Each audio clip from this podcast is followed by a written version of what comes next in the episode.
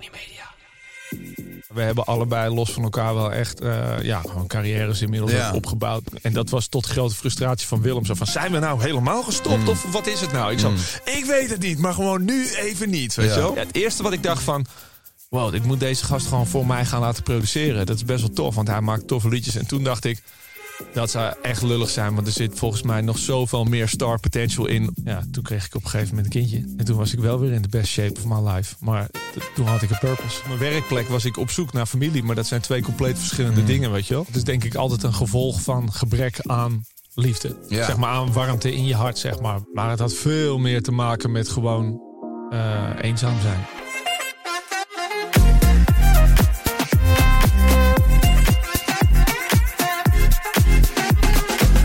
Dames en heren, welkom bij Even Relativeren de podcast. En deze keer zit tegenover mij niemand minder dan Big Een Two. lifesaver. Een lifesaver, ja. Kijk, Big Two, eh, of Twan, hoe wil je genoemd worden? Gewoon Twan? Wat jij fijn vindt. Ik vind Twan wel lekker. Oké, nice. Twan. Ja. Hey, we hebben elkaar volgens mij nog nooit in het echt gezien. Buiten Hooi en Doei, hè? Dat klopt, maar we hebben nu wel echt een vet goede binnenkomen. Ja. Dat ga jij nu vertellen. Ja, ik zal hem opgooien en dan mag jij hem eh, aanvullen. Ik, eh, ik zat hier te wachten en op een gegeven moment ik hoorde iemand keihard krijsen. En ik denk dat jij dat dus was. Ja, klopt. Eh, ik denk, wat is dit? Maar ze zijn hiernaast buiten de studio ook aan het verbouwen. Dus ik denk dat zijn bouwvakkers of zo. Ik ga toch maar even kijken. En toen zag ik, zag ik daar iemand op de grond liggen. En ik zag daar ook een man met een zwarte jas naast staan. En dat was Twan. Ik denk, je hebt iemand in elkaar geslagen of zo. Klopt. Maar wat was er aan de hand? Er lag een gozer... eh, Ik kom hier. Oké, dus ik was eh, te laat. Wat Ja. ik eigenlijk altijd ben. Dus ik was aan het rennen. Dus eigenlijk had ik moeten schreeuwen: ik ga dood. Maar eh, Ja. ik kom aanrennen en er was. Oh ja, sorry, ik doe de microfoon. Ik probeer Kanye West bij Drink Champs na te doen. Die deed dit ook. Oh, die moet ik ook nog even checken. Ja, dat is gisteravond Was een stukje gezien. Verwarrend, maar Ja. ik, moet- ik moet hem ook nog even helemaal kijken. Eh, maar anyway, eh, er was dus een man en die schreeuwde dat hij doodging. En er werd al een ambulance gebeld en hij zei... I need oxygen, I can't breathe, I can't breathe. En ik soort van rondlopen, zo van... Oké, wanneer komt die ambulance dan? Ja. En ik zo die gozer zijn hand op zijn schouder. Ik soort van eh, de, de soort van drie yogalessen en eh zen meditatielessen die ik ooit heb gehad. Mijn hand op schouder zo... Close your eyes, balance your energy. En ik gaf alleen maar zo... I can't breathe, I can't breathe. Ik oké, dit gaat echt helemaal... I'm dying, I'm dying. Ik denk, oké, deze gast heeft een soort aandoening. Eh, het, zal, het zal helemaal, helemaal mis zijn. Ja. Dus ik dacht, het enige wat ik echt heel goed kan... is echt heel hard schreeuwen. Namelijk wat ik altijd op het podium doe. Dus ik ben op midden op de straat gaan staan... en ik heb gewoon heel hard geroepen voor een dokter. Eh, meerdere keer, zowel in het Engels als in het Nederlands. Toen kwamen allemaal mensen zo de winkels uit. Is dat niet zo? Oh, je hebt dokter en dokter.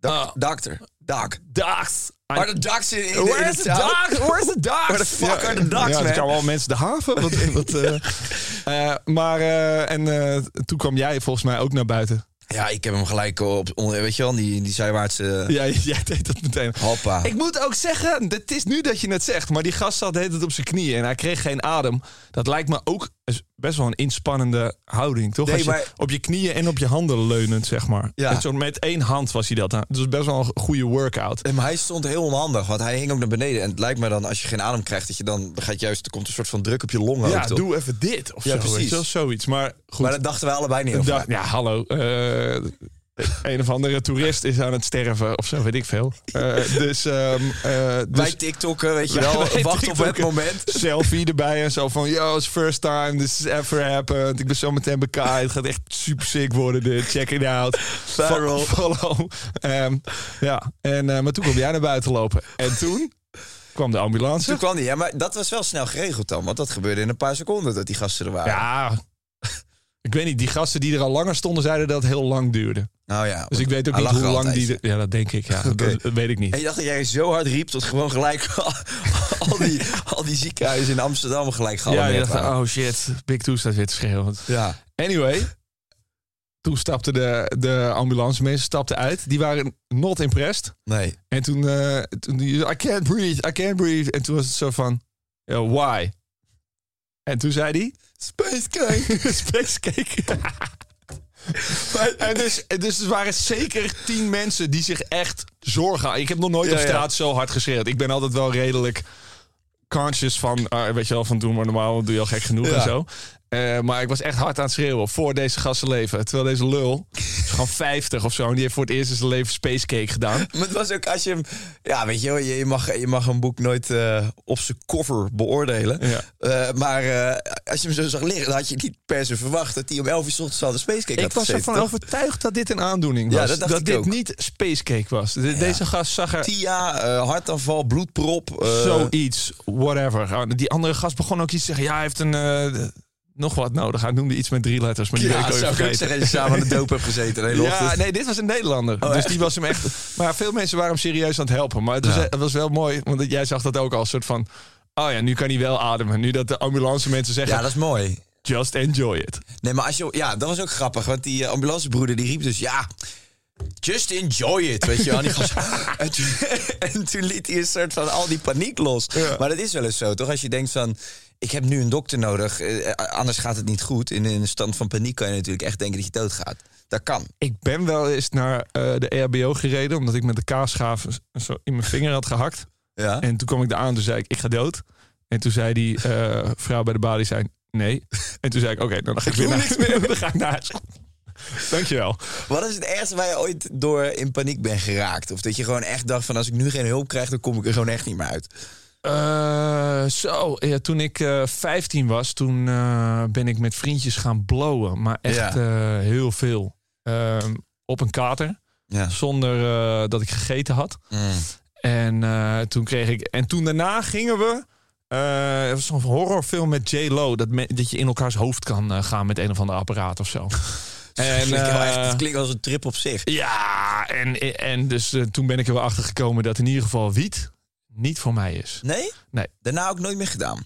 Eh, nee, ik heb er wel heel vaak bij gezeten in hele kleine ruimtes. En Ja, dan ik wou net mee zeggen. stoned geworden, Ja. zeg maar. Dat vond ik dan wel Hotboxing gezellig. noemen ze dat, toch? Is dat hotboxing, ja? Ja, volgens mij is dat in een kleine ruimte met de deuren dicht heel veel roken, blowen. En dat het rook dan op een gegeven moment zorgt dat je allemaal... Heel allemaal- veel geho- gehotboxed dan. Ja. eh, maar... in de studio's natuurlijk, daar, ja, daar ja, bloot ja, iedereen, zeker. toch? Vooral heel veel eh, ja, met eh, Space Case en zo erbij. En Young Felix en Tellem, die gasten. Was wel heel leuk. Het was heel leuk dat ik de dag daarna ook me afvroeg van... Waren die grappen echt zo grappig? of was ik gewoon ook een klein beetje eh, stoned? Maar Kan je nou, kan je nou, dat- dat moet dan een kern van waarheid zitten. Dat je stoon kan raken van het meeroken. dan. Ja, tuurlijk, man. Ja. Maar Als je in een afgesloten ruimte zit en iedereen gaat daar blowen de hele tijd... en op een gegeven moment word je ook wel een Ja. beetje stoned, ja. Gek hè? Ik, ik heb ook nooit iets gehad met blowen. Nee? Ik heb, ja, nee, ik heb, ik heb het wel, ik heb van alles geprobeerd. Ik moet zeggen dat ik hash dan nog wel, dat kon ik nog wel redelijk hebben. Vooral als ze heel dun gedraaid werden, vond ik dan wel lekker. Toen ik Ja. vroeger 16, 17 Zo was. dun mogelijk. Ja, ja, zo. Ja. En dat hij zo'n beetje aan het knetteren was. Maar Ja. voor de rest wiet en zo, man. Echt, ik had vrienden die, eh, die deden dat als ze uitgingen. En die stonden dan gewoon fit in een zaak. Als ik dat deed, pleurde ik en in slaap. Maar ik werd er ook paranoia van. Het was heel, ik vond het helemaal niet prettig wat Nee, er gebeurde nee, met me. nee.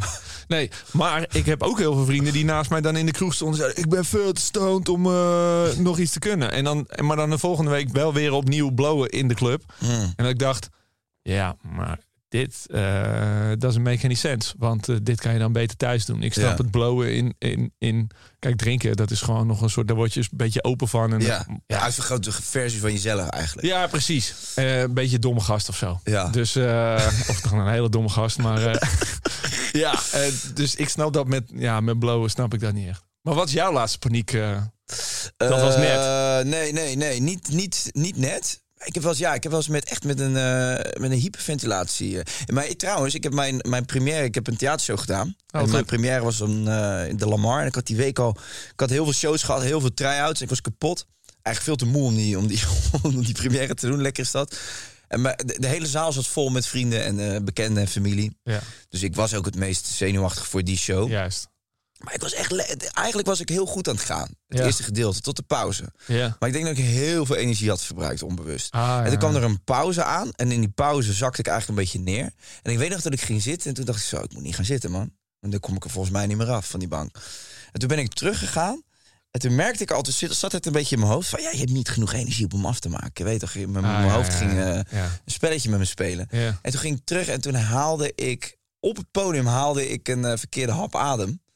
Oké. En, Ja. zo, En toen stond ik zo en toen werd ik een partij licht in mijn hoofd. En ik voelde mijn hart ineens. Oh, ja, en ja, ik ja. was door aan het lullen, als een soort op de automatische piloot. Want ik kon die show op een gegeven moment wel dromen. Dus ik kon wel op zich nog doorpraten. Dus de mensen merkten er niks van. Maar in mijn hoofd ging het de hele tijd. Jij Ja, gaat ja, dadelijk ja. flauw vallen. Jij gaat het Ah, niet ja, trekken. ja, Jij ja, gaat het ja. niet trekken. Ja, ja, ja. En toen zei ik dus gewoon, ik denk, oké, ik kan twee dingen doen.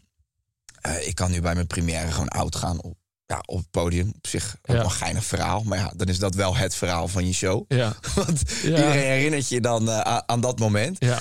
Dus Gaat wel weer viral dan misschien. dat gaat weer Wel viral. Maar vet. goed, ja, mensen weten niet hoe de rest van je show eh, is. Want eh, je kan hem waarschijnlijk niet afmaken. Dus toen zei ik van, toen zei ik, jongens, ga heel even van het podium af. En ik zeg, ja, ik voel me even niet goed. En toen ben ik het podium afgegaan. En wat heb ik nou gedaan? Ja, dat was eigenlijk wel een hele goede. Ik volgens mij kreeg Gebloot. Volgens mij kreeg ik een. Ja, toen heb ik ook genomen, zoals ik het altijd doe. Shotje heroïne en toen ging het wel weer. Ah ja, nice. Nee, ik weet niet. Volgens mij kwam mijn manager naar achter. En eh, mijn vriendin was, eh, die schrok natuurlijk ook. Want die dacht, hey, ik heb die show nou 40 keer gezien. Nou, dit stukje ken ik niet. Nee. Dus die kwam naar achter. En toen eh, zei ik, ja, even, weet ik veel, geef me even cola of zo. Toen kreeg ik volgens mij een blikje Pepsi. Goede reclame voor Pepsi trouwens. No Oh. spon. Ja. Maar toen ben ik, ja, toen ben ik volgens mij na vijf minuten Heet weer dat zo? No, no spon? Hashtag no spon, dat moet je zeggen tegenwoordig. Oh. Als jij een merk noemt in dit soort commerciële aangelegenheden... dan moet je zeggen no spon. Anders denken ze dat we ervoor betaald hebben Ah, gekregen. Oké, drink seawater. No, no spon.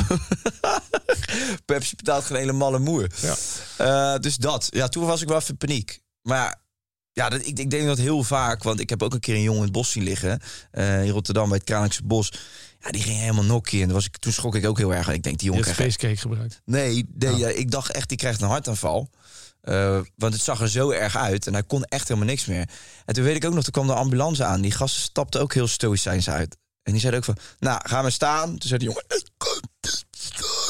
En ik zat echt die gasten aan te kijken van, help hem. Maar zij zagen het al gelijk. En dat bleek, hij bleek ook een paniekaanval te hebben gehad. Ah, oké. Dus ja. heel vaak wordt de ambulance gebeld voor dat ze zit. En dan komen ze aan en dan zit, nou, haal eens drie keer adem. En dan ineens ben je het kwijt. Ja, ja, ja, precies. Ik heb het wel ooit, dus ik ben vroeger ooit eh, was ik op kamp en toen eh, had ik dus dat ik eh, dan s'avonds in mijn in mijn tentje ging liggen. En dan was ik Ja. natuurlijk een week weg van mijn ouders en op een plek waar ik nog nooit was geweest. En dat ik echt helemaal een soort van sterretjes zag en bijna geen adem en zo. Ja. En dus toen ben ik daar naar de dokter gegaan en toen zei ze: je bent gewoon aan het hyperventileren. Ja. Dus ik ben me wel al vanaf dat ik soort eh 16 ben of zo, eh 15, wel al be- eh, bewust van, ah ja, ah Unagi, ik ben weer, eh, Ja. ik ben mezelf weer aan het naaien, Ja, zeg maar. Dus, dus dat heb ik gelukkig wel redelijk eh, op tijd door. Heb je dat bij je werk veel nodig gehad voordat je grote optredens had? Dat je van tevoren even dacht, oeh, even terug naar die ademhaling. Ehm, nee, want ik, ik kan ook niet goed ademhalen. Nee? Dus nee, ik heb ook nog steeds. Ik heb er wel daarna kreeg ik dus ademhalingles en zo. Weet je. Ja. dat is alleen maar een soort van nog meer hyperventileren. En ook als ze met mediteren dan zeggen, ja, let op je ademhaling. Dan ga ik altijd zo, oké. Weet je wel, dus helemaal kut. Maar dan.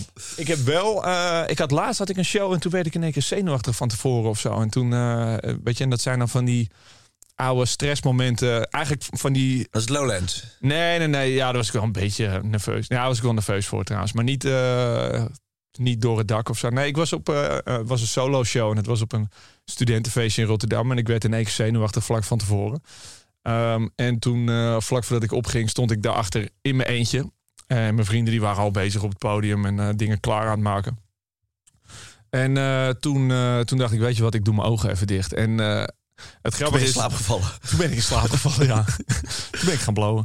Nee, het grappige is, dan doe je je ogen dicht... en ben je even afgesloten van alles wat je ziet. Ja. Dus dat probeer ik net aan die gasten te zeggen. Van, close your eyes nou gewoon, dan Ja. komt het helemaal goed. In het Eh, Engels? Close your eyes nou gewoon. Hey, listen nou gewoon. Hey. Close nou, man. Close nou, man. Dude. Eh, en, eh, maar toen zei ik tegen mezelf van... van dat, ik kwam erachter van, oh, ik ben zenuwachtig... omdat ik dat ook was toen ik eh 12 was... en voor het eerst het podium opging. En toen nog nooit had gedaan. En op die software draaien nog steeds af en toe. Ehm, maar toen deed ik mijn ogen dicht, dacht ik... Oh, nee, maar ik... Ja, dat klinkt arrogant, maar ja... Ik ben een van de beste hierin. Ja. Ik kan dit echt heel erg goed. En toen was het in één keer zo... Ah ja, nu ben ik eigenlijk niet meer zenuwachtig. Maar Maar als jij nou, dat is sowieso grappig, want die, eh, kijk, grote shows met heel veel publiek, eh, op voorhand zouden- zouden mensen kunnen denken, maar ja, dat is het meest enge wat er is. Maar ook doordat het zo massaal is, ben je ook wat anoniemer op dat podium eigenlijk. Terwijl in zo'n Ja. studentenkamertje, met die gastjes dat je bewijzen van ook hoort knarsen en dat je kan Ja. horen, dat is, veel, dat is veel spannender lijkt mij. soms wel, ja. ja Want je bent je veel bewuster ik van vind jezelf. het eerder eng eigenlijk waar, waar je vrienden en familie zitten. Ja. Want we hadden de dag na Lowlands bijvoorbeeld, hadden wij een optreden Laatste. in eh, België. Nou, dat, eh, ja, de laatste Ja, keer ja. Lowlands, ja. Eh, kijk, voor Lowlands waren we echt wel Mhm. deze, weet je. Anders sta je echt al een half uur van tevoren heen en weer te lopen. Maar die dag daarna in België waren we echt tot het laatste moment gewoon een soort van... eh, weet je Ja. het zal wel. En dan gaan we het podium op en dan lachen we ons helemaal de pletten. En we staan allemaal grappen te maken. Ja. Eh, maar in Nederland, weet je wel, waar je eh, in het hol van de leeuw, waar je moeder mee staat te kijken en alles, ja, dan wil je het zo goed mogelijk doen. Ja, en Lowlands is natuurlijk ook wel een prestige dingetje, toch? Dat is dus, wel... ja, die wil je goed doen. Ja, Ja, dat is gewoon cult. ja. En wedstrijdritme is ook wel een ding. Ja, hè? We hadden toen ook alweer een paar maanden niet opgetreden, dus dan ben ik ook wel meer soort van. Oké, ik heb net eh, drie maanden op de bank gezeten, bij wijze van. Ik moet weer even in één keer nu zometeen 40.000 mensen vrolijk maken. Ja.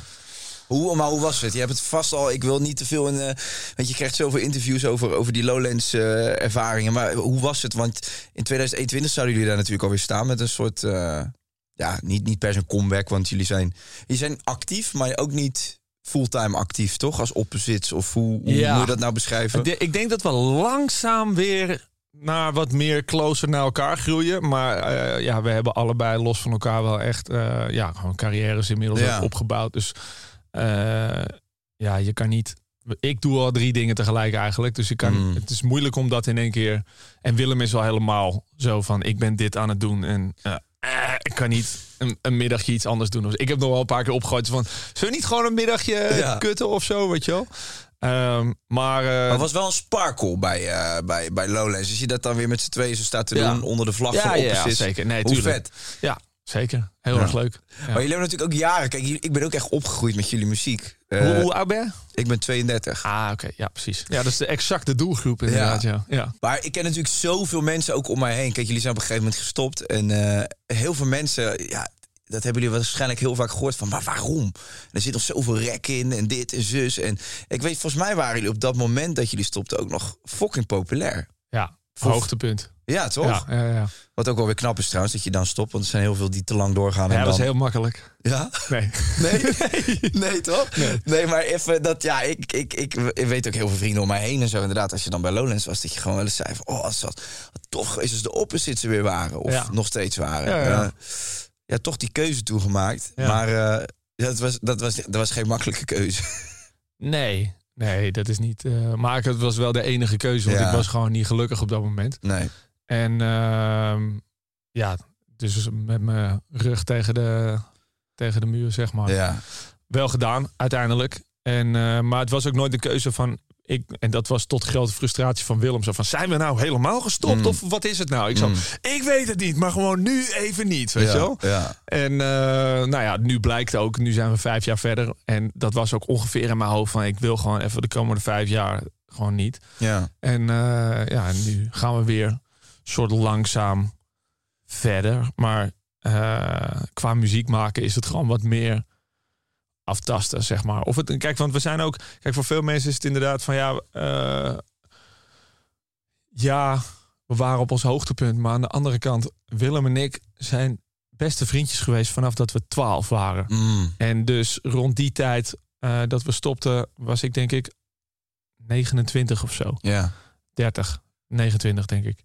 Eh, ja, it's a long time in, de, in dezelfde situatie. En ik begrijp dat we dan op dat hoogtepunt zijn. Maar eh, ja, aan de andere kant is het ook wel een soort van eh, misschien hoog tijd om eventjes een eh, breather te nemen. En eventjes ja. ja, gewoon los te koppelen van succes. Weet je wel, de meeste mensen als ze twintig zijn, dan gaan ze een jaartje reizen of whatever of Ja. zo. En ja, dit was mijn moment dat ik dacht, oké, ik wil gewoon even weten wie ik ben. Op wie kan ik leunen als er niet eh, heel veel faam en succes is en Mm. dat soort dingen. En eh, nou ja, die antwoorden krijg je vanzelf dan, weet je wel. Ja, ik vind het helemaal niet, eh, niet gek. En de buitenwereld kan er van alles van vinden. Maar uiteindelijk moet je op dat moment zelf die energie nog voelen en diezelfde motivatie.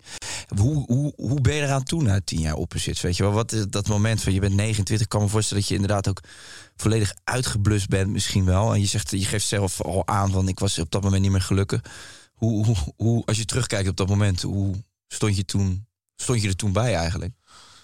Ehm, Nou, ik, ik weet dus dat moment soort van uh, dat we dus op uh, Lowlands stonden in 2013 en ja. uh, wat een beetje een soort van de kroon op ons op onze carrière was. En ik weet dat ik toen daarna dat realisatiepunt, wat je het cliché denkt van kut, ik heb gewoon alles bereikt wat ik me zou kunnen ja, bedenken ja. en ik ben nu niet gelukkig. En waar, wat is het dan waar ik mijn hele leven voor aan het rennen ben en whatever, weet je wel. Ik, maar wat het ook was, ik kon gewoon niet de energie uh, meer opbrengen om... Kijk, want mensen zagen dan die ene show, die staat vastgelegd. Maar wij deden ze dan wel nog steeds de hele zomer door op ja. allerlei andere plekken. En uh, uh, ja, je moet wel een purpose in het leven hebben. Mm. En als je twintig bent, dan is het zo van... Kijk eens papa, mama, ik ben ik ben uh, toch niet een, uh, een, uh, een complete loser die alleen maar dingen verneukt met school. Ik ben, ik ben ergens heel goed in. Moet je kijken, weet je wel. En iedereen heel trots. En dan als je wat ouder wordt op een gegeven moment, dan vaagt dat een beetje weg. En ik weet niet, ik had gewoon niet echt meer een purpose. Waarom nee. ik al die pressure op me nam. En ik had geen positieve energie meer om te delen. En ik was gewoon niet in de, in de beste shape of my life. Mm. En um, ja, toen kreeg ik op een gegeven moment een kindje. Ja. En toen was ik wel weer in de best shape of my life. Maar toen had ik een purpose. Dat is, na, dat is vlak na uh, dat je gestopt bent? Nee, daar zat nog wel een paar jaar tussen. Dus ik heb echt een paar jaar gewoon een beetje lopen klooien. En, uh, Inmiddels ook... heb je er twee. Ja, ja. Uh, meteen doorgepompt. Ja, ja, ja, lekker. Ja, als je even niks te doen hebt. waar je normaal gas gaf op die optredens. Ja, die lockdown, thuis ja, ja, ja, die lockdown, joh. Lockdown babies. Nee, zeker, ja. Ja, dus uh, nee, dat heeft denk ik een jaartje of uh, drie, vier heeft dat nog uh, geduurd. Ja, zoiets. Ik heb je in een interview horen zeggen van, of horen zeggen helemaal niet. Ik was er niet bij, ik heb het gelezen. Ja. maar daar zei je van, ja, toen ik een kind kreeg, toen zag ik ineens, toen wist ik ineens van, dit was die missende link of dit, was, dit was hetgeen wat ik nog miste in mijn leven. Ja, ja, ja. Was dat het moment dat je, dat je überhaupt weer het geluk terugvond in het leven? Ja, ja, ja nou, ik, ik had wel lol. Kijk, voor mij was het ook. Uh, uh, kijk, het is geen geheim voor Willem dat het voor hem een, uh, een grote klap was. Weet je wel, zijn album gaat over mentale gezondheid. Want hij was daarna mentaal niet heel gezond. Maar mm. ik vond het wel fijn om eventjes geen pressure op me te hebben. En ik kan ook best gelukkig zijn zonder heel veel optredens te doen. Ik ben sowieso ook gewoon een studiorad. Iemand die het leuk vindt om andere mensen te coachen. Ja. En. Um, en ik vond het ook wel fijn om uh, uh, het gevoel te hebben dat uh, de mensen met wie ik omging echt van me hielden, zeg maar. En dat, daar was ik daarvoor niet zo zeker van. Nee. Ik weet je vraag even niet meer. Heb ik een beantwoord? Het ging over je, het, ging over je kind, maar we komen daar straks op terug. Oh, ja, ik, vind, ja, ja. ik vind het wel belangrijk. Ja, ik gewoon te zeiken, ja. ja. nee, maar kwam het omdat je in die, die periode waren natuurlijk enorm populair. Je werd omringd of had je een zweem aan mensen om je heen... waarvan je op een gegeven moment dacht van... waarom zijn jullie hier eigenlijk en wie zijn jullie eigenlijk? Was, was je gewoon alles kwijt op dat moment? Nou, ik, ik waren wel heel veel leuke mensen om ons heen. Dus veel van de mensen die er toen waren, zijn er nu gewoon ook nog steeds. En dat is gewoon uh, uh, beren gezellig. Uh, maar ik denk wel dat ik misschien een soort klein select groepje om me heen miste... wat echt met mij was. Mm.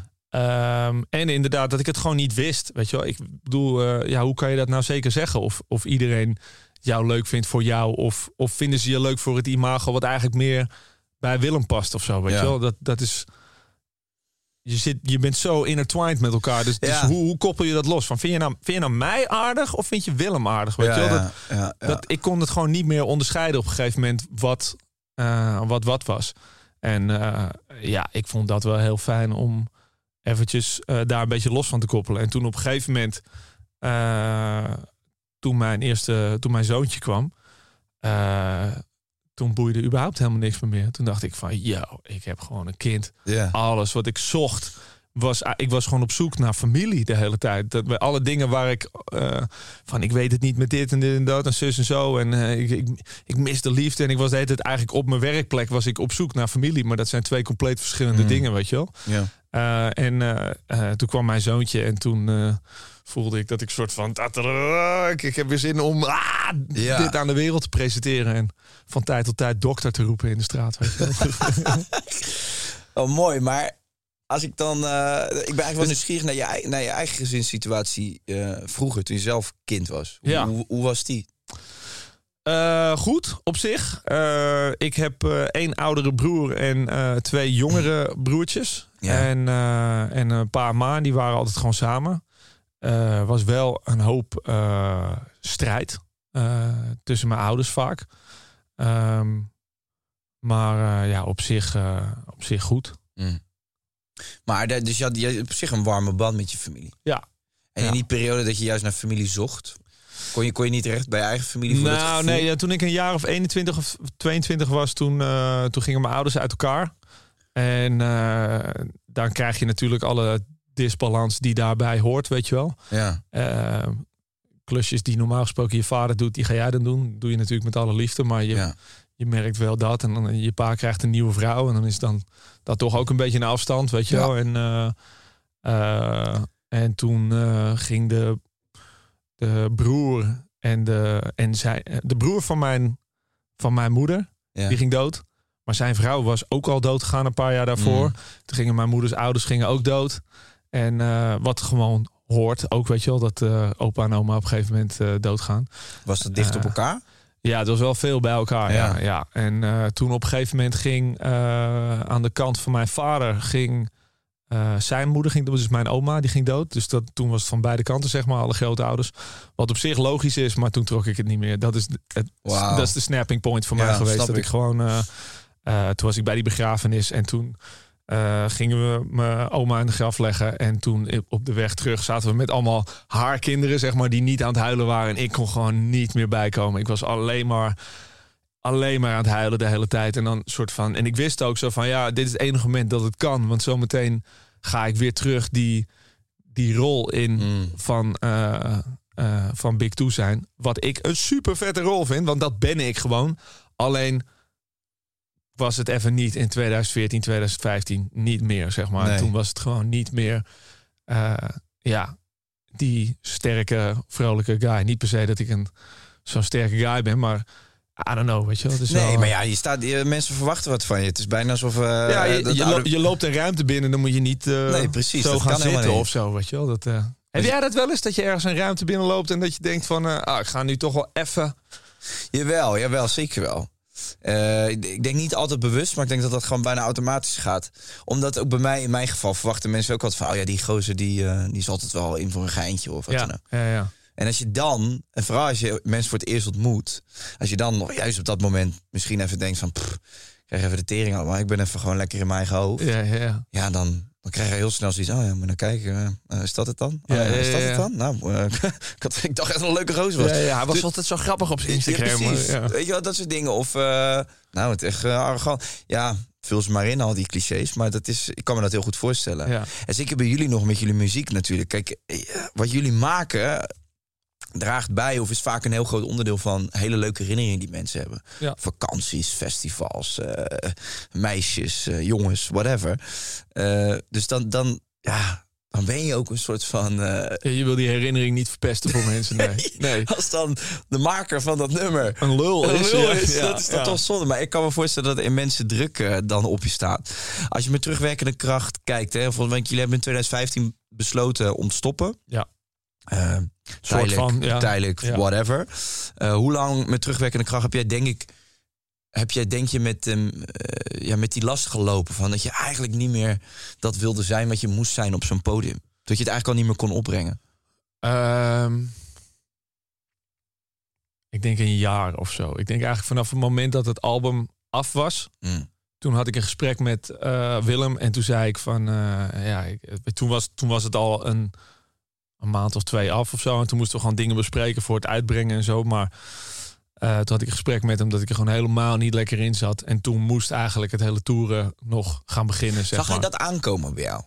Of was ja, dat ik denk het wel. Ja? Ik denk het wel. Ik denk niet dat hij de hoedanigheid uh, uh, kon waarderen. Maar uh, ja, dat uh, zeker. Want ik hoorde ook via vrienden dat hij toch al wel eens wat na te denken van. Uh, voordat ik echt bij mij de kogel door de kerk was, dat hij daar wel over naast te denken van. Hoe ga ik dat zo meteen aanpakken als Twan niet meer verder wil? Ja. ja. ja. Dus dat voelde hij. Maar voelde hij, voelde hij dat dan vooral in je energie? Of had je dat ook echt al uitgesproken? Nou ja, op een gegeven moment als je meegaat met shows en je praat bijna niet meer met mensen. Nee. Dan, tenminste, ik praat er wel, maar ja, het, het Het was geen geheim. Nee, en ik, heb, ik had ook een half jaar voordat we echt uh, er een beetje mee kapten. Uh, toen heb ik ook op een gegeven moment echt aangegeven van, van guys, ik zit echt, uh, ik zit echt ja, diep in de put. Ik weet het niet. Dus toen zijn we met management hebben we een tijdje alles stopgezet. En toen zijn we nog een zomer doorgegaan. Um, en nou ja, toen aan het einde van die zomer ja, was, het gewoon, was het gewoon op. Ja. Wauw. Eventjes in ieder geval, weet je wel. Maar ik denk eigenlijk achteraf dat had gewoon zoveel meer te maken met mijn eigen uh, persoonlijke situatie. En dat ik gewoon op zoek was naar iets wat ik daar niet kon vinden, in ieder geval. Maar was het ook, want ik proef er ook een beetje een stukje, misschien wel toch erkenning. Um, ook omdat je als je iets in duo-vorm doet, inderdaad, dan, dan is het altijd ja, je bent een soort product samen. Ja. Maar wat blijft er over van, van mijzelf op het moment dat ik me loskoppel van het product? Ja. Mis, je, mis je daar ook wel eens een soort erkenning in of zo voor jezelf? Was je daarna op zoek? Nou ja, uh, op zich. Maar ik denk dat uh, op zoek zijn naar erkenning is, is, uh,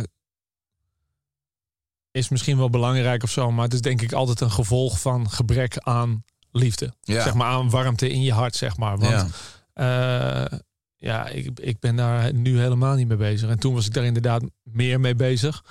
Um, maar het had veel meer te maken met gewoon uh, eenzaam zijn, eigenlijk. Ja. Dus gewoon ook door faam dat je cirkeltje gewoon steeds uh, kleiner wordt.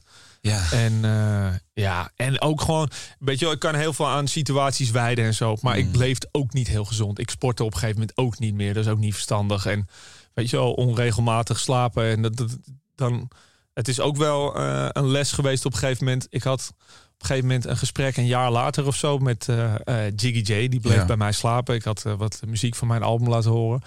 En, en toen vroeg ik aan hem van ja, jij hebt op een gegeven moment ook in de put gezeten. Van, van hoe, wat is er gebeurd dat jij eruit bent gekomen? Ja. Zei hij ja, niks. Zei ik, oh. Want ik ben de hele te wachten. Ik ben de hele tijd aan het wachten op iets externs wat Ja, mij nu vrolijk gaat maken, weet je wel.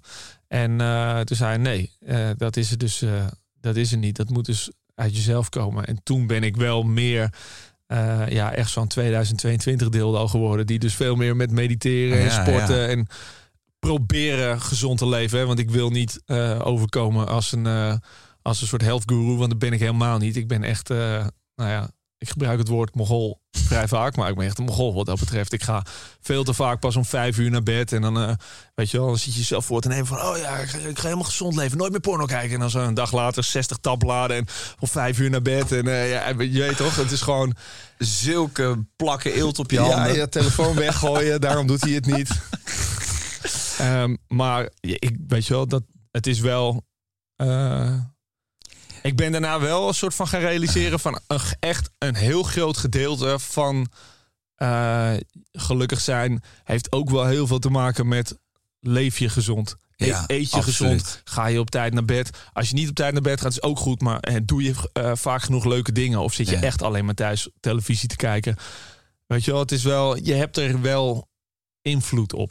Nou, 100 Deels. Nee, 100 procent. Ik denk ook sowieso dat routine uh, fucking belangrijk is. Ja. Althans, dat heb ik bij mezelf ook wel gemerkt. We zat een paar maanden geleden zat ik er niet heel lekker in. Dat was gewoon omdat ik, gewoon de hele verschuiving. Mijn leven was vrij uh, radicaal. Ik ging naar Ibiza en ik merkte. Uh, ik, was, ik, ben, ik ben daar heel graag. En vooral, ik, wij wonen echt in de rust. Ja. In de weilanden in het noorden. Veel natuur om me heen, veel bossen. Ik heb een hond. Ik ga lekker veel naar buiten wandelen. Maar ja, weet je wel, vanuit, vanuit Nederland ineens naar daar. En, en heel veel uh, rumoer eigenlijk. En op een gegeven moment merkte ik dat, dat ik routine miste. En dat zat hem inderdaad. Ik ben echt heel erg voorstander geworden van het vroege opstaan en zo. Dus ik heb echt, waar ik vroeger echt een nachtel was, is dat helemaal 100, uh, 100 graden gedraaid. En uh, ik heb 's ochtends echt mijn ja, mijn vastigheden. En uh, daar is goed slaap is goed slaap is zo verschrikkelijk belangrijk.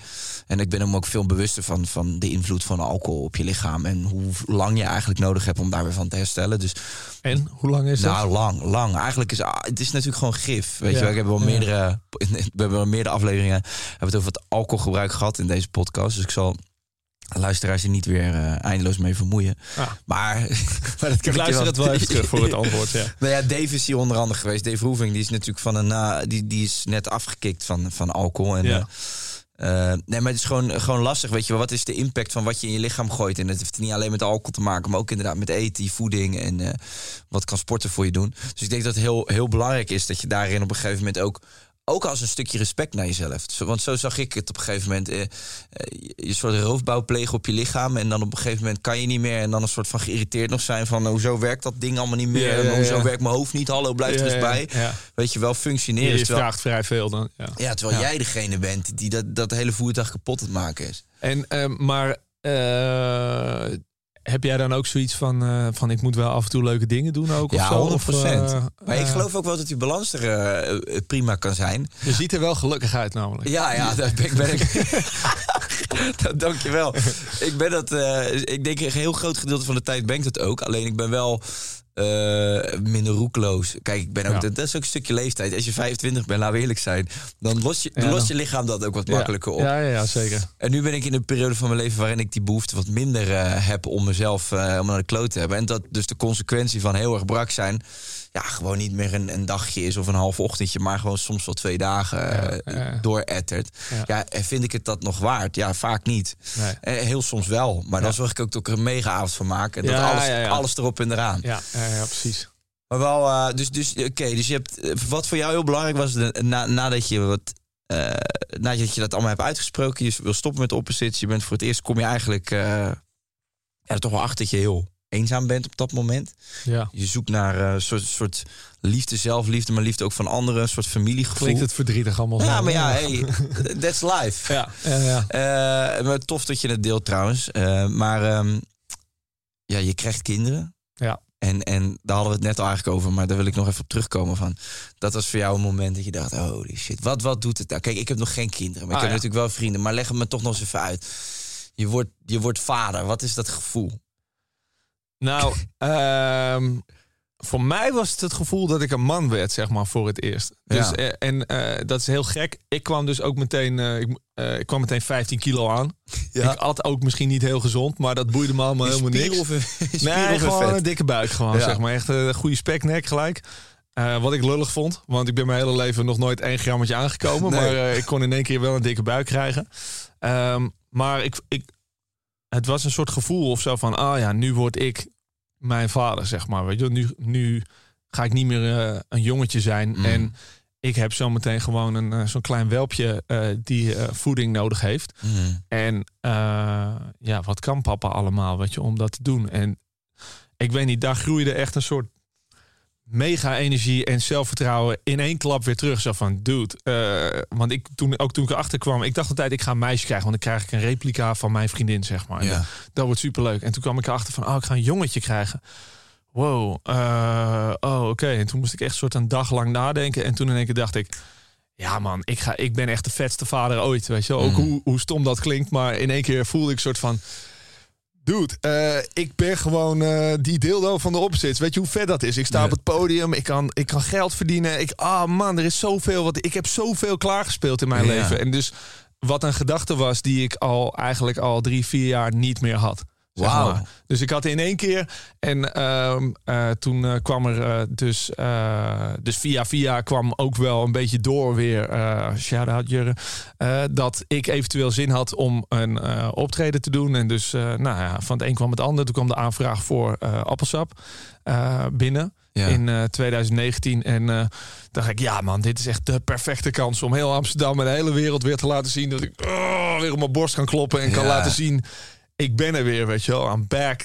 This is me. Ik, uh, ik ga helemaal nergens heen en bow down. Ik kom, ik kom eten voor mijn zoontje halen, zeg Vet. maar. Ja. Heel tof, wauw. Ja. ja. dus eigenlijk hetgeen wat je inderdaad al die jaren gemist hebt.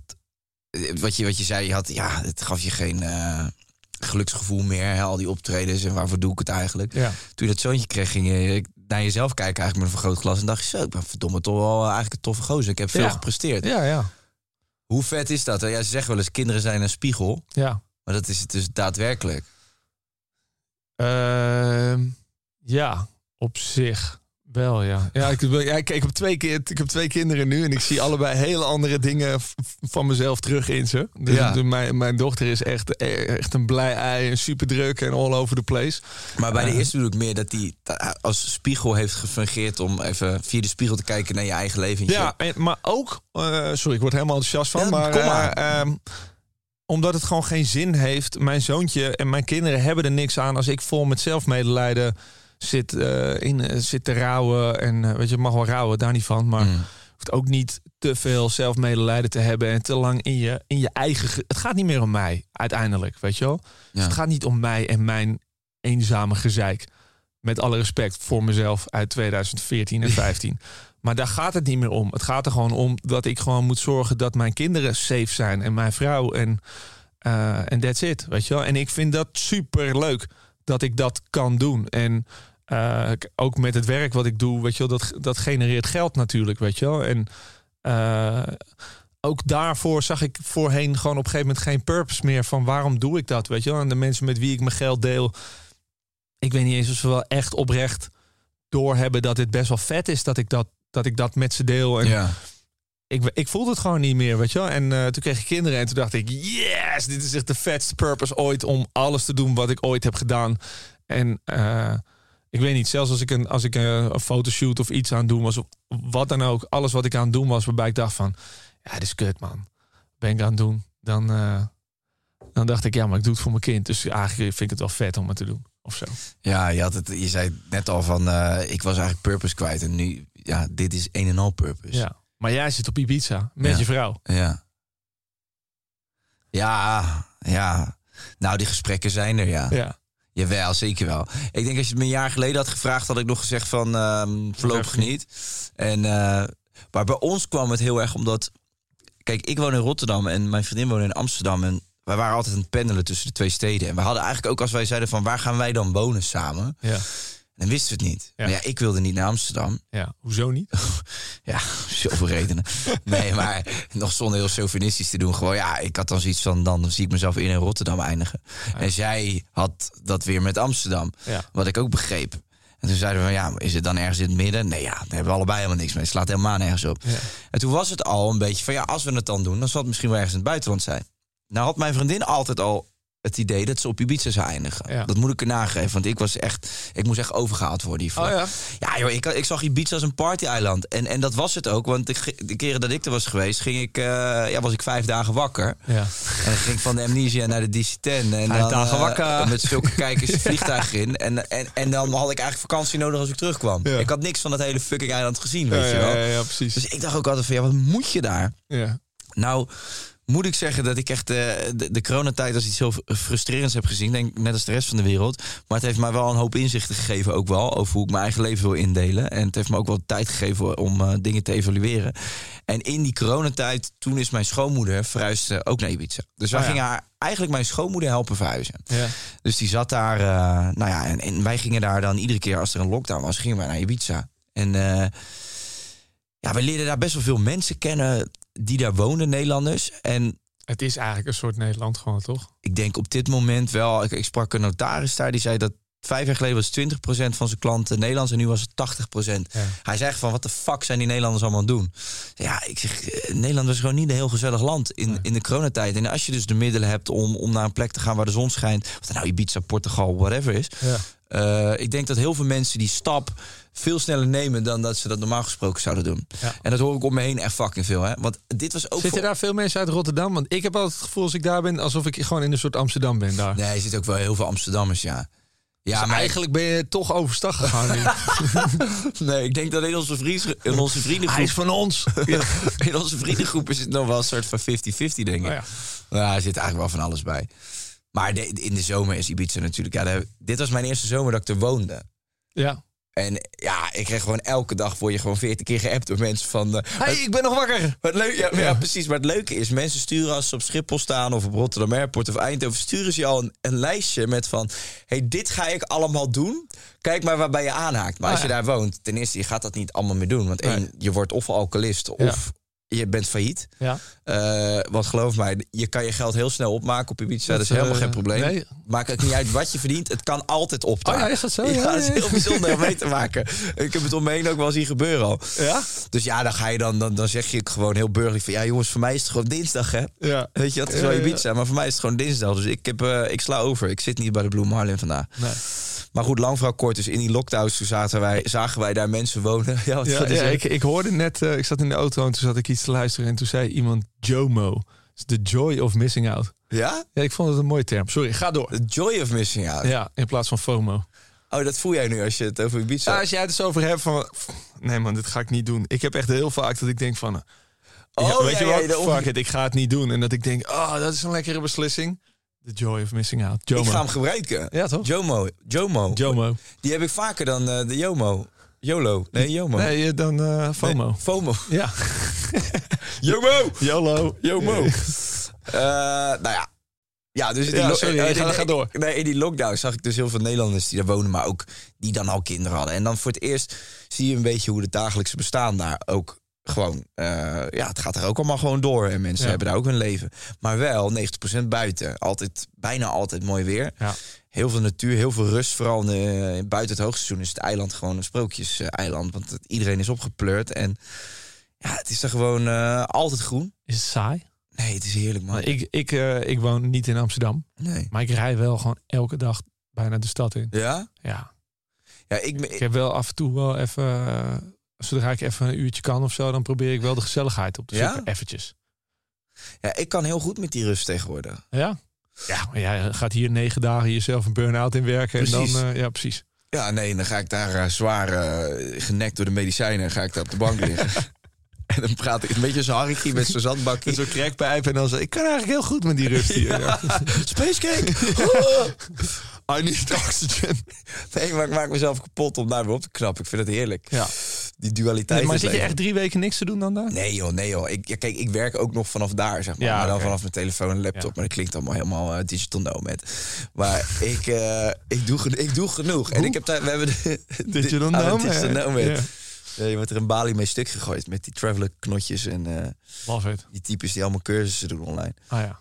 Maar nee, dus ja, ik vind het heerlijk. En uh, ik, heb, ja, ik had juist toen ik in die lockdown in de stad woonde, dacht ik, er is gewoon geen tering te doen. En uh, ik vond het ook heel irritant om dan, om, omdat ik voor mijn werk zit, ben ik niet zo gebonden aan een vaste plek. Nee. Voor de meeste dingen althans. Dus ik dacht ineens van, uh, ja, nee, ik wil gewoon die kant op. En ik heb de kans gegeven, nu zijn we een jaar verder. En, uh, Ibiza Baby. En dan noem je hem of haar Ushuaia. Ja, of Ushuaia of uh, ja, Blue, Blue Marley. Ja, uh, precies.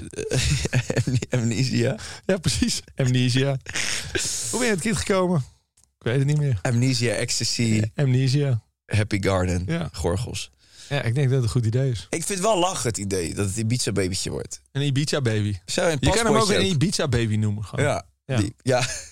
Nou ja, ik moet wel zeggen dat er tegenwoordig namen voor kinderen worden bedacht... waarvan ik denk, hmm, je moet wel echt step up je game, weet je wel. Hoe heten jouw kinderen? Uh, Teun en uh, Lima. Dus Teun ben ik meegekomen en Lima is mijn vriendin meegekomen. Ja. ja. Oh, er zit een dus, groot verschil in. Ja, ja, ja zeker. Ik vond een soort van... Je hebt een soort aapnootmies Teun. Ja. Toch? En ik vond Teun gewoon vet. En dat was de... Teun en Twan past ook bij elkaar. Ja, en mijn vader heet Toon. Dus Toon, Twan, Teun. Ja, oh leuk, ja. Was, uh, uh, maar ja, dat was de derde naam die ik zei. Uh, doe, laten we Teun doen. Voor jongensnaam had ik echt vet. Ik kom ook uit een jongensgezin. Dus ik had een hele lijst met... Met, uh, Wat vind je met naam Teun de hardste naam dan? Die nog op je lijst staan? Of wil je dat niet nou, zeggen? We hadden, nee, nog... jawel, jawel, we hadden Wolf. Maar een maatje van mij die kreeg een kindje. En die zei, die is van mij. Ja? Ja, Wolf. Na die film heb je dat bedacht? Uh, nee, welke film? Je had toch die Amsterdamse uh, film, uh, Wolf heette die toch? Met oh, die, die kickboxer of zo. Die, ja, ja, ja. Was die klopt, niet helemaal ja. zwart-wit, die hele Hij is film? in Utrecht gefilmd volgens mij. Oh. Maar allemaal Amsterdammers. Ja. Ja. Ja. ja. ja. met, met Chico. Ja. Heel vet. Teun, Teun en Lima. Teun en Lima. En uh, Lima was mijn vriendin meegekomen. Daar hebben we ook veel langer over gedaan om daar. Uh, een, maar we hadden ook zoiets van ja, maar ze moeten, die namen moeten wel een beetje uh, op elkaar lijken en zo. Toch moet een beetje met elkaar te maken hebben. Nou, toen zei mijn vriendin, het zijn toch allebei vier letters. Dus zij kan allebei hier op mijn vingers getatoeëerd worden. Er staat nu Teun en dan Lima. Heeft je vrouw dat? Dat heeft mijn vrouw. Ja. Ja, mijn vrouw is Vet. een stuk stoerder dan dat ik ben. Ja. Dus is nu Teun en Lima op de handen staan. Zegt, zijn toch allebei vier letters, lijkt op elkaar, klaar. Wel heerlijk als die discussie zo snel is afgelopen. Het is gewoon klaar. Ja, ja, is toch gewoon klaar? Hebben we nog vragen dan? Ik niet? heb die hier, jij niet. Lima. Ja. Oké, oké. Ah, wij hebben ook wel, wij hebben, we hebben wel wat namen in ons hoofd. En eh, voor het geval het een jongetje wordt, of in het geval van een meisje, zijn we er wel uit. Ja, Er zijn wel wat correcties geweest. ja. Correcties. Ja, en mijn vriendin die, die had. Letters eruit gehaald en Ja, zo. of gewoon net. Ja, ja, nou wel letterlijk ja. Dat is één, eh, vooral bij de, de vrouwennaam, die kan twee, die, die kun je op meerdere manieren. nou ja, hoe zeg je dat in elkaar zetten? Ja. En eh, nou ja, goed. Maar toen had zij dat Er zijn besloten. meerdere namen bij elkaar dan ook. Nou ja. Ja. Sui Ann. Ja. Nee, ze heeft nu ook bedacht dat, ze nog een tweede, dat er nog een tweede naam achter moet Ah, komen. ja, ja, en ja, daar ben ik het nog niet. Dat, want ik, ik hou daar niet Ja, van. hebben we ook niet gedaan. Nee. We konden het ook niet bedenken ook. Maar Nee. we hebben het ook gewoon niet gedaan. Ja, ik kan het ook niet betalen. Ja. Dat is te duur, zo'n tweede naam. Tweede naam. Weet je wat dat kost dan? Wat Nee, is dat echt? Nee, het? ik weet het niet. Ik heb het niet gedaan. Dus ik heb geen ik idee. heb geen idee, volgens mij niet. Ja, oké. nee. Je gaat maar één keer naar het gemeentehuis, Ja, toch? dus mijn, mijn vriendin die wilde wel dat dan haar overleden vader, en die heette Bertje, dat die naam er misschien dan in zou zitten. En zei ze, ja maar Bert, ons kind dan weer niet Bert noemen. Ik heb dat niet gezegd aan alle familie. It wasn't me. Maar zij zei van, ja, dat, dat weet ik dan ook. Oké, we doen gewoon één naam. ja, maar dan, weet je, Bert, oké. Ja. Bert, we hebben het over Bert. Maar ja, wel een vette naam, toch? Op maar zich. Bertje. Ik ben gewoon best wel fan van jongensnamen ook. Misschien ben ik wel bevooroordeeld. Ik ben seksistisch wat betreft namen voor kinderen. Hmm. Ik vind gewoon Bert, ja, dat is toch vet. Komt Bert aan. Ja, ik vind, ik vind die oude, ouderwetse Hollandse namen, Best die leuk. vind, ik, ja, die vind ik heel tof, maar ook voor honden. Ik vind het heel vet als je, nog, als je een hond hebt die Bert heet. Wow. En dat is een klein bouviertje Ja. of zo. Hey Bert, kom eens hier. Bertje. Ja, dat is een lachen. Ja, en Of Teun, zou ook wel kunnen voor. Teun. Teun, een hele, een hele leuke naam voor. Ja, dan zie ik wel een grote zwarte hond voor me of zo. Ja. Nou ja, hou die dan nog. Die heb je nog te goed dan. Nee, Teun, zo heet mijn zoon. Ja, oh ja, dat is waar. Die heb Ja. je al. Ja. Maar Maar- hij kan ook allebei. Zoek eerst een hond uit en daarna bedenk je met je vrouw nog een mooie naam. Ja. ja. Of ik noem hem ook gewoon Teun. En dan komen ze allemaal tegelijk tenminste als ik ze nodig heb. Je hebt nog even om erover na te Ja, denken. ja precies. Hey, genoeg over kindernamen. Ehm En hondennaam. Dreamteam. Ja. Ja. Ja, ja, ja. Want kijk, je bent natuurlijk allemaal hè, opposites, een mooi groot gedeelte van je leven. Je doet ook nog super veel solo. En ehm, het is niet alsof jij nou in 2015 helemaal niks meer gedaan hebt. En, eh, Nee, nee, nee, klopt. Ja. Ik bedoel, er is- Vet, hè? Ja, Ik ben er echt trots op. ja, ja. dat snap ik. En ik het zo vet toen ik ehm, eh, het geluid hoorde van... Jeetje, jongens, Antoon. Antoon. Ja. Ik zei tegen jou ook. Ik zei, weet je, ik, heb, ik had dus in mijn hoofd dat Antoon... Moet jij niet gewoon ook in beeld komen zitten? Nee, ja, Oh. dat, is, dat, is, dat, is, dat wordt een gimmick. Weet je. Oh, oké, Sam- ja, iedereen ja. kent Sammy, maar niemand heeft Ja, het net een beetje net als vroeger Jeff bij Mental Tio. Ja, oké, gaat. ja, ja. Ja, de Geus en Gorgels zit je wel eens af en toe, hè? Ja. Van de week heb je ook hier netjes naast Monica... eh, ja, podium. Ja, Zit daar daar een hele behaarde man eh, Ja. voor de mensen thuis. Sam. Ja. Sam, Bert en Teun. Sammy. Antoon, Antoon. Ik, dacht, ik zat zomaar bij hem... Hij toch niet... Zijn echte naam is toch ook niet Twan? Ehm, Twan? Ja. Nee, dat is toch Nee. niet zijn naam ook? Nee, nee, nee. Nee, nee, nee. Ehm, Valentijn. Valentijn, oh, die zag ik niet aankomen. Ja. Antoon. Ja, weet Ja. je, ik, ik had Wel vet? Dus heb ik Toon, Twan, Teun, Antoon. En Valentijn. Ja, dus dat is die. Ja, Ja, precies. Valentijn. Valentijn. Ja. Hey, Antoon, Antoon, Antoon. Ja, en toen ik zijn eh, muziek hoorde, toen moest ik gelijk aan jou denken. Toen wist ik nog helemaal niet dat die link er was. Maar Ja. goed, nou eh, snap ik waarom dat allemaal zo aan jou doet denken. Hoe, hoe vet is dat om nu zeg maar aan die andere kant te staan en, en hem eigenlijk dat pad te zien bewandelen wat jij ja, eh 15 jaar geleden bewandeld hebt? Heel vet. Heel erg leuk. Heel erg stressloos ook. Ja? Behalve dat, ja, want het is, ik hoef al die shows helemaal niet te doen. Joh. Er, zit heel, eh, er staat veel minder druk op, maar hij moet alle shows doen. Kijk, als, ik, als we allebei 19 waren geweest, of allebei 15, dan waren we nu een band geweest. En Ja. dan had ik elke week met hem meegemoeten. En eh, ja, dat hoeft nu allemaal niet. Dus ik heb eigenlijk een soort muzikale klikkers dat ik die ook met Willem had. Eh, maar dan stuur ik hem zijn eigen. Weet je, mag hij het lekker zelf allemaal doen waar hij, wat hij wil doen. Bedoel, hij is zijn eigen baas. En ik kan hem daarin assisteren. En we maken wel samen heel veel muziek. Eh, maar ik kan gewoon naar huis, naar mijn kinderen. ja, dat is gewoon fucking leuk. Heerlijk, man. Ja, super chill. En dat is ook Ja. wat bij je, bij je leven op dit moment past, toch? Ja, en ik denk dat dat misschien vroeger ook wel al best wel bij me paste. Gewoon het, het coachen en het vinden van eh, mensen die een soort star quality hebben. En ik denk dat dat ook is wat mij in het begin heel erg naar Willem toegetrokken heeft. Zo van, Mm. oh ja, deze, deze guy was bij ons op school ook al een soort van, weet je, die liep door de school heen en die was iedereen aan het groeten uit de zesde. En ik was soort juist meer ingetogen en wat meer introvert en eh, meer van de goede gesprekken eventueel of zo. En, en hoe zit dat nou met eh 3D-animaties en dat, dat aan het uitzoeken. En Ja. eh, hij was aan het neuken. Ja. Eh, Dat was een vrij groot verschil. Maar ehm, ik, denk, eh, ja, nu dat ik wat ouder ben, soort van, ah ja, misschien was ik dat eigenlijk altijd al wel redelijk aan het doen. Ook met Dio bijvoorbeeld en zo. Weet je wel, gewoon mensen aan het uitzoeken en dan zo van, ja, deze persoon, daar is iets, bepaalde star quality. Ja. En eh, ja, En wat maakte in Antonis geval, wat maakte hem een ster? Eh, deze gast eh, ehm, bulkt echt van, de, van de zelfvertrouwen. Ja? En, en hij is gewoon heel goed. Dus hij, en hij is een groot genoeg nerd om de kwaliteit te leveren om echt goede muziek te maken. Eh, want hij produceert ook zelf. Ehm, Hoe gaat het in zijn werk dan? Produce- produceren jullie dan samen? Zitten jullie samen op een bankje dan? ja, ja, ja. Ehm, ik laat hem wel volledig achter de knoppen zitten. Dus hij doet altijd net iets meer dan wat ik doe. Want het is ook zijn eigen plaat uiteindelijk. En ik vind dat heel fijn dat er iemand anders nu achter de knoppen zit. Want vroeger deed ik dat altijd. Ehm, maar hij zit achter de knoppen. En dan meestal hebben we een toetsenist erbij. En we hebben iemand die eh, meedenkt met ons met eh, teksten schrijven. Eh, en dan zijn we eigenlijk altijd met een groepje van ongeveer vier, vijf mensen... zijn we gewoon muziek aan het maken. Is het altijd dezelfde volgorde of verschilt het? Wanneer komt bijvoorbeeld eerst de beat en dan de tekst? Of is er ook wel eens eerst de tekst en dan de beat? Hoe? Meestal is het altijd eerst de beat. Ja. En dan beginnen we daar een beetje op te viben van wat voel je. Maar volgens mij bij eh, Hallo. Dus je had me bij Hallo. Ja. Toen had Kevin Bos, de persoon die met ons vaak samenschrijft. Die was binnengekomen bij Tijn Antoon. En eh, die zei van eh, zoiets met dat zinnetje doen. Ik heb, ik heb dat in mijn hoofd zitten. ja. Dus dat is volgens mij de eerste keer dat er ooit een keertje eh, dat het andersom gegaan is. Maar.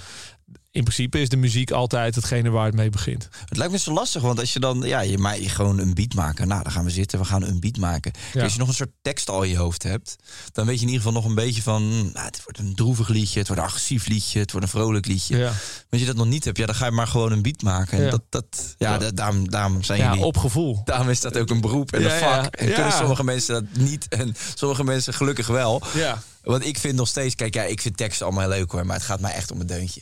Ja. Ik ben daar heel primitief in. Ja, oké. Dus, eh, Ja, oké, maar ik, ik kan me wel voorstellen dat zelfs als het je alleen om het deuntje gaat, dan alsnog gaat het je om de klank van de woorden misschien die er gebruikt wel. worden. de Als, klank wel. ja. als iemand in een refreintje een heel leuk deuntje heeft, maar hij zegt zes keer aids, aids, aids, aids, aids. Ja, dan ga jij toch niet heel lekker in de sportschool zo van, ja man, aids. Woe! Yeah. Nee, tuurlijk, er, zitten, er zijn grenzen. Maar kijk, als ik naar mijn vriendin kijk, die kan er naar liedjes luisteren. Die kan zeggen, oh, die tekst is zo mooi. Luister nou eens naar die tekst. Oh ja, ja, ja, precies. Dat heb jij niet. Dat heb ik totaal niet. Nee. Ik vind het gewoon Ja. klinken, omdat er een lekker deuntje in zit. Of, of het wekt wel wat bij me op natuurlijk. ja, ja. Maar, maar dat is meer gewoon eh, de flow. En Ja. daar, daar zit de klank van de woorden zijn natuurlijk wel belangrijk. Maar, maar, Maar wat het speelt hoe dan ook op je onderbewustzijn in, Dat denk ik wel, ja. Ja, denk ik. ja dat Maar goed, geloof ik wel, dus, ja. dus misschien dat ik voor je vriendin wat beter mijn best moet doen met de teksten. En dan, het, kijk, het, het, het beste is als je het natuurlijk allebei hebt. ja. Dus je begint, hoe wij het dan doen in ieder geval, is dan, we beginnen vaak met de muziek. Eh, en dan op een gegeven moment begint ieder, iemand een riedeltje te zingen. ja. En dan gaat de andere, nee, nee, nee, dat is kut. Doe, eh, doe eens hoger of zo. Of die melodie hebben we al, dat hebben we al een keer gedaan. Weet je wel, dan komt een soort discussie of iets. En dan zo, oh, dat is vet. Ja, ja, Ja. doe dat. Oh, dat is tof, weet je wel. En dan, wat, wat voel je erbij? Dan, of soms zegt iemand iets voor de... Ik heb één keer een liedje gemaakt en die staat op mijn, eh, op mijn laatste album. Eh, toen was iemand gewoon zo'n deuntje aan het spelen. En dat is heel rustig en heel mooi. Zo uit het niets zat ik zo en toen zei ik zo van... Waarom zijn je tieten zo groot en je reet zo dik? En toen ging iedereen in de kamer... Dat moet je doen. ja. Ik zo, nee nee. Geintje toch? Iedereen zo, nee, dat moet je doen. Dus toen hebben we vervolgens een heel liedje gemaakt over... Wil jij niet een keertje vreemd gaan? Het, het- super grappig allemaal. Maar het is dus gewoon, ja, dat is, daar is ook ruimte voor... om af en toe gewoon iets te maken waarvan iedereen denkt... van ja, dit is gewoon lachen. Maar dat lijkt, me, maken. dat lijkt me echt een topproces, man. Dat, Is zo'n vet tekst- leuk. Zo'n Ja. tekst bedenken en ook zo'n woord wat hij bijvoorbeeld met dat hyperventilatie. Je hebt toch altijd in je, in je vriendengroep heb je altijd bepaalde woordjes die blijven hangen of zo. Dan ben je op vakantie geweest en er is zo'n bepaald woordje of een zinnetje of zo en dat blijft dan terugkomen. Ja. En dat snapt alleen jouw vriendengroep. Ja. Het lijkt me dus fucking lachen om op basis van ik weet je wel, ik heb ook altijd duizend van die maffe woorden in mijn hoofd waarvan ik denk zo, daar zou eigenlijk een liedje van moeten maken. Ik vind het echt, het lijkt me super leuk om, eh, om Nou, moet je gewoon een keer doen. Je hebt al een vrij grote aanhang. Dus, eh, Nee, ik ga. Ik, ik moet, weet je wel, ik heb ook zoiets van. Je mag best dromen hebben, maar sommige dingen moet je ook gelaten voor wat het is. Maar ik vind het maar goed. Dus ik, ik vind het heel vet dat jullie elkaar gevonden hebben. Eh, jij hebt Antoon ontdekt, of in ieder geval voor het eerst gezien bij de Herman Brood Academie. Ja. Ehm, wat, hoe hij, was heeft die? mij, hij heeft mij gevonden daar. Ja? Heeft mij benaderd daar zo, ja. Ja. En hoe ging dat dan? Want je gaf jij daar les. Ik gaf daar les, ja. En eh, toen had hij een DM gestuurd. Zo van, eh, hey, mag ik mijn demos aan je laten horen? Je loopt rond bij de HBA, toch? Ik zeg, ja, ik ben het dan en dan. En, eh, Hoe vaak gebeurt dat überhaupt dat mensen dat naar jou sturen? wat demos? Mag ik even wat aan je laten horen? Pff, ja, elke paar dagen. Soms is een, een vlaag van... altijd? ik probeer wel veel te luisteren, maar... ehm, ik heb heel vaak, moet ik ook eerlijk zeggen... als ik dan via Instagram iets binnenkrijg... dan klik ik erop en dan hoor ik binnen twee seconden... ja, dit is helemaal kut. Dat hoor je echt wel vrij snel. Dat is heel lullig om te zeggen, maar... Nee, nee, dat is juist Je fijn. hoort gewoon meteen van, oh, deze gast heeft zijn stem niet onder controle, is niet afgemixt. Het kan ik allemaal binnen een paar seconden horen. murderen? Ja, weet je wel. En als, als- ik dan met mijn kinderen ondertussen bezig ben, dan ga ik meteen door naar iets anders, weet je wel. Dus eh, Het zou wel vet zijn als je er nu achter komt dat ik jou er eens van 30 heb opgezet. en dat je dan zegt, ik kreeg laatste heen van zo'n dude. Oh, maar van een of andere Kai of? Straatboy 010. Straatboy, boy 010 wil eigenlijk 020. eh Ibiza Crystal. ja, Dat zou leuk zijn. ja, precies. Nee, ik heb het nooit gedaan. Maar, maar waar, waar, waar zou je over rappen dan? dat weet ik niet. Oh, ik, ja. zou, ik, zou, ik, zou, ik denk wel gewoon... eh, ja, dat hyperventilatie, dat, dat, dat soort dingetjes. Zou met gewoon pakkende woordjes proberen. Paniek aanvallen. Ja, paniek aanvallen. Nou, ik zou, vrolijk, ik zou alleen maar vrolijke muziek maken. Ik ben Ja. niet, ik hou niet van. eh, maar oké, genoeg over mij. Ja. Ehm, je hebt, eh, dus dan krijg je van, van alles binnen en binnen vijf seconden weet je dan al van dit, dit is hem niet. Ja. Maar bij Antoon had je, had je dus wel zoiets van: hey, Ja, ik bleef het maar luisteren. Dus eh, het, het was al toen, eh, want hij, hij kwam toen uiteindelijk kwam hij binnen bij mij terwijl ik bezig was met een leerling. En eh, toen zei, zei hij, "Eh, mag ik, ik van Instagram, mag ik je zo meteen wat laten horen? En toen zei ik, eh, ja, ik maak het helft af hier zo. En dan kom ik eh, voor eh, tien minuten, kwartiertje kom ik bij je. Valentijn. Ja, Valentijn. Ho, ho, ho, ho, ho, ho. En ehm, eh, toen zat hij in een hockey, zat hij helemaal zenuwachtig op mij te wachten. Nou, dat zal je nu niet meer zien gebeuren, de, de star. Maar hij zat toen te wachten op mij. En toen liet hij gewoon drie liedjes aan me horen. Wat liet hij nou horen? Hyperventilatie, discotheek en deze avond. Allemaal liedjes die uitgekomen zijn. En nou, hyper- Cool. hyperventilatie is dus zijn eerste Dat was hem, hè?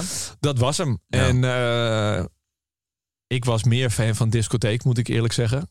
Maar goed, ik vond het alle drie hele vette liedjes. En ik zei van meteen van, oké, geef dit aan me mee. En dan, eh, Hmm. dan heb ik het in ieder geval. En toen had ik die drie liedjes en die bleef ik maar de hele tijd luisteren. Samen met die vriend van mij, die dus, dus nu helpt met de teksten. Kevin Bos, shout-out.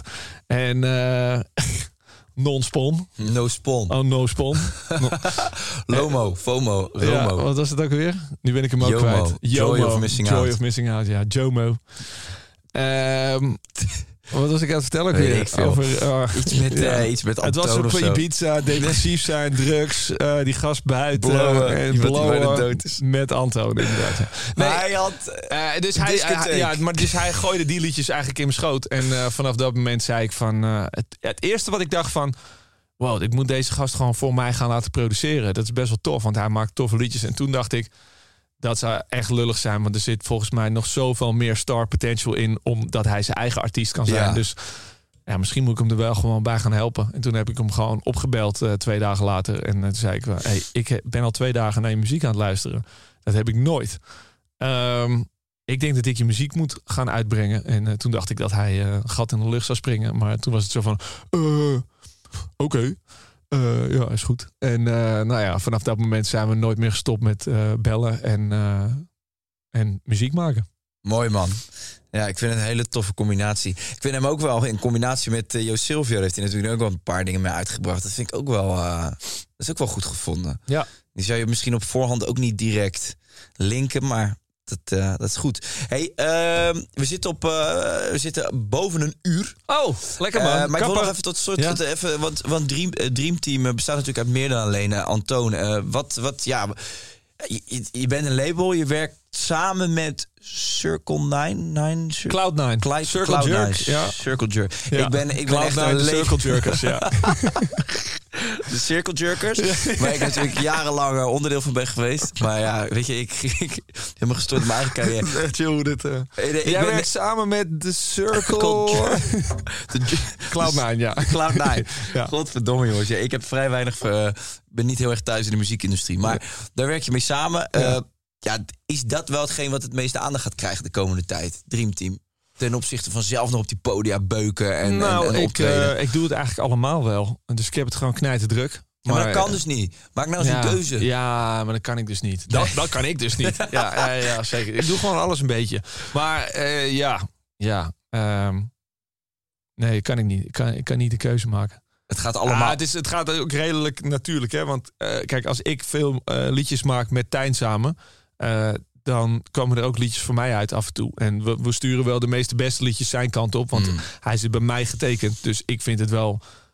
I owe it to him dat ik hem... eh, dat ik niet zelf alle beste liedjes dan ga opeisen, Ja, weet je ja. Maar eh, hij maakt ook voor mij goede liedjes. Dus, Precies. En dat doen we samen. Dus dat is eigenlijk heel makkelijk om dan van tijd tot tijd te zeggen van... nou, maar ik breng ook gewoon liedjes uit. Ja. En, ehm, eh, en met de opposites doen we voornamelijk shows. Dus op zich matcht het allemaal wel goed samen. Er is gewoon een paar keer per jaar dat ik denk... oké, nu ga ik een zenuwinzinking krijgen. Maar er zijn ook heel veel momenten in het jaar dat ik denk... ik heb het vet goed voor elkaar... en ik heb vet veel tijd om te doen wat ik wil. Goed zo. Ja. Dan eh, toch de laatste vraag. Eh, Da, da, da, da. eh, een album uitbrengen met in, eh, onder de opposites of voor de opposites, in de opposites. Gaat dat denk je ooit nog gebeuren? Of Wat, bij Dream Team bedoel je? Of, of gewoon, gewoon... überhaupt samen gewoon- echt? Want je zegt vooral optreden, maar dat is natuurlijk... ik kan me niet voorstellen dat... zolang wij leven, dat we niet op een gegeven moment... de studio niet ingaan. Ja. Dus Kijk, er komt ooit natuurlijk een moment... dat wij gewoon weer in de studio duiken. Ooit. dus, dus we kunnen gewoon eh, wel gewoon nieuwe muziek verwachten van Ja, de ja, ja, zeker. Maar mensen moeten wel eh, Geduld eh, hebben. geduld hebben. Want het is een soort van. ja, het is al heel wat dat we überhaupt op het podium staan. Dat is echt best wel heel speciaal. Voor de mensen en thuis, heel leuk. vanaf overmorgen, een nieuw album van de opposites. Yes! Nee, ik, en het- een nieuw album van Kai. ik kom, ik kom. ja, ik kom wel een keertje optreden Met zijn album over depressief zijn op Ibiza. En de Circle Jerk. En de Circle Jerkers, daar brengt hij het uit. Dat zou een goede naam zijn voor een album. Ja. Ik vind het in ieder geval super tof om te horen. Hey, leuk om je eh, te leren kennen. Zeker. Eh, Succes bedankt. Ja, met eh, negen dagen werken. dat komt goed. Nog één dag te gaan en dan eh, mag je weer Ah. terug naar The Island. Het is before you know it, one jerk en het is over. Eh, bedankt voor je openhartigheid. En eh, we gaan het allemaal eh, zien en volgen en meemaken. En nogmaals, jullie even geduld. Maar het komt er dus aan. Leuke afsluiter. Sam, doei. Ja, je bent er nu zoveel in geweest dat we ook jou even moeten bedanken voor je komst. Ja, Oh ja, dat is hem. Eh, vergeet niet te liken, te subscriben. En laat even weten wie je hier wil hebben zitten de volgende keer. Eh Anton om te vertellen dat hij bijvoorbeeld naar een ander label gaat of zo. Weet je wel, gewoon weet ik veel wat. Laat het even weten. Willem, dat die nieuwe band begonnen is, inderdaad. Willem dat hij schilder is geworden en nooit meer op het podium zal staan. Precies, maar even is over. Hey, ciao. Dankjewel. Ja. Shout-out Rotterdam. Shout out.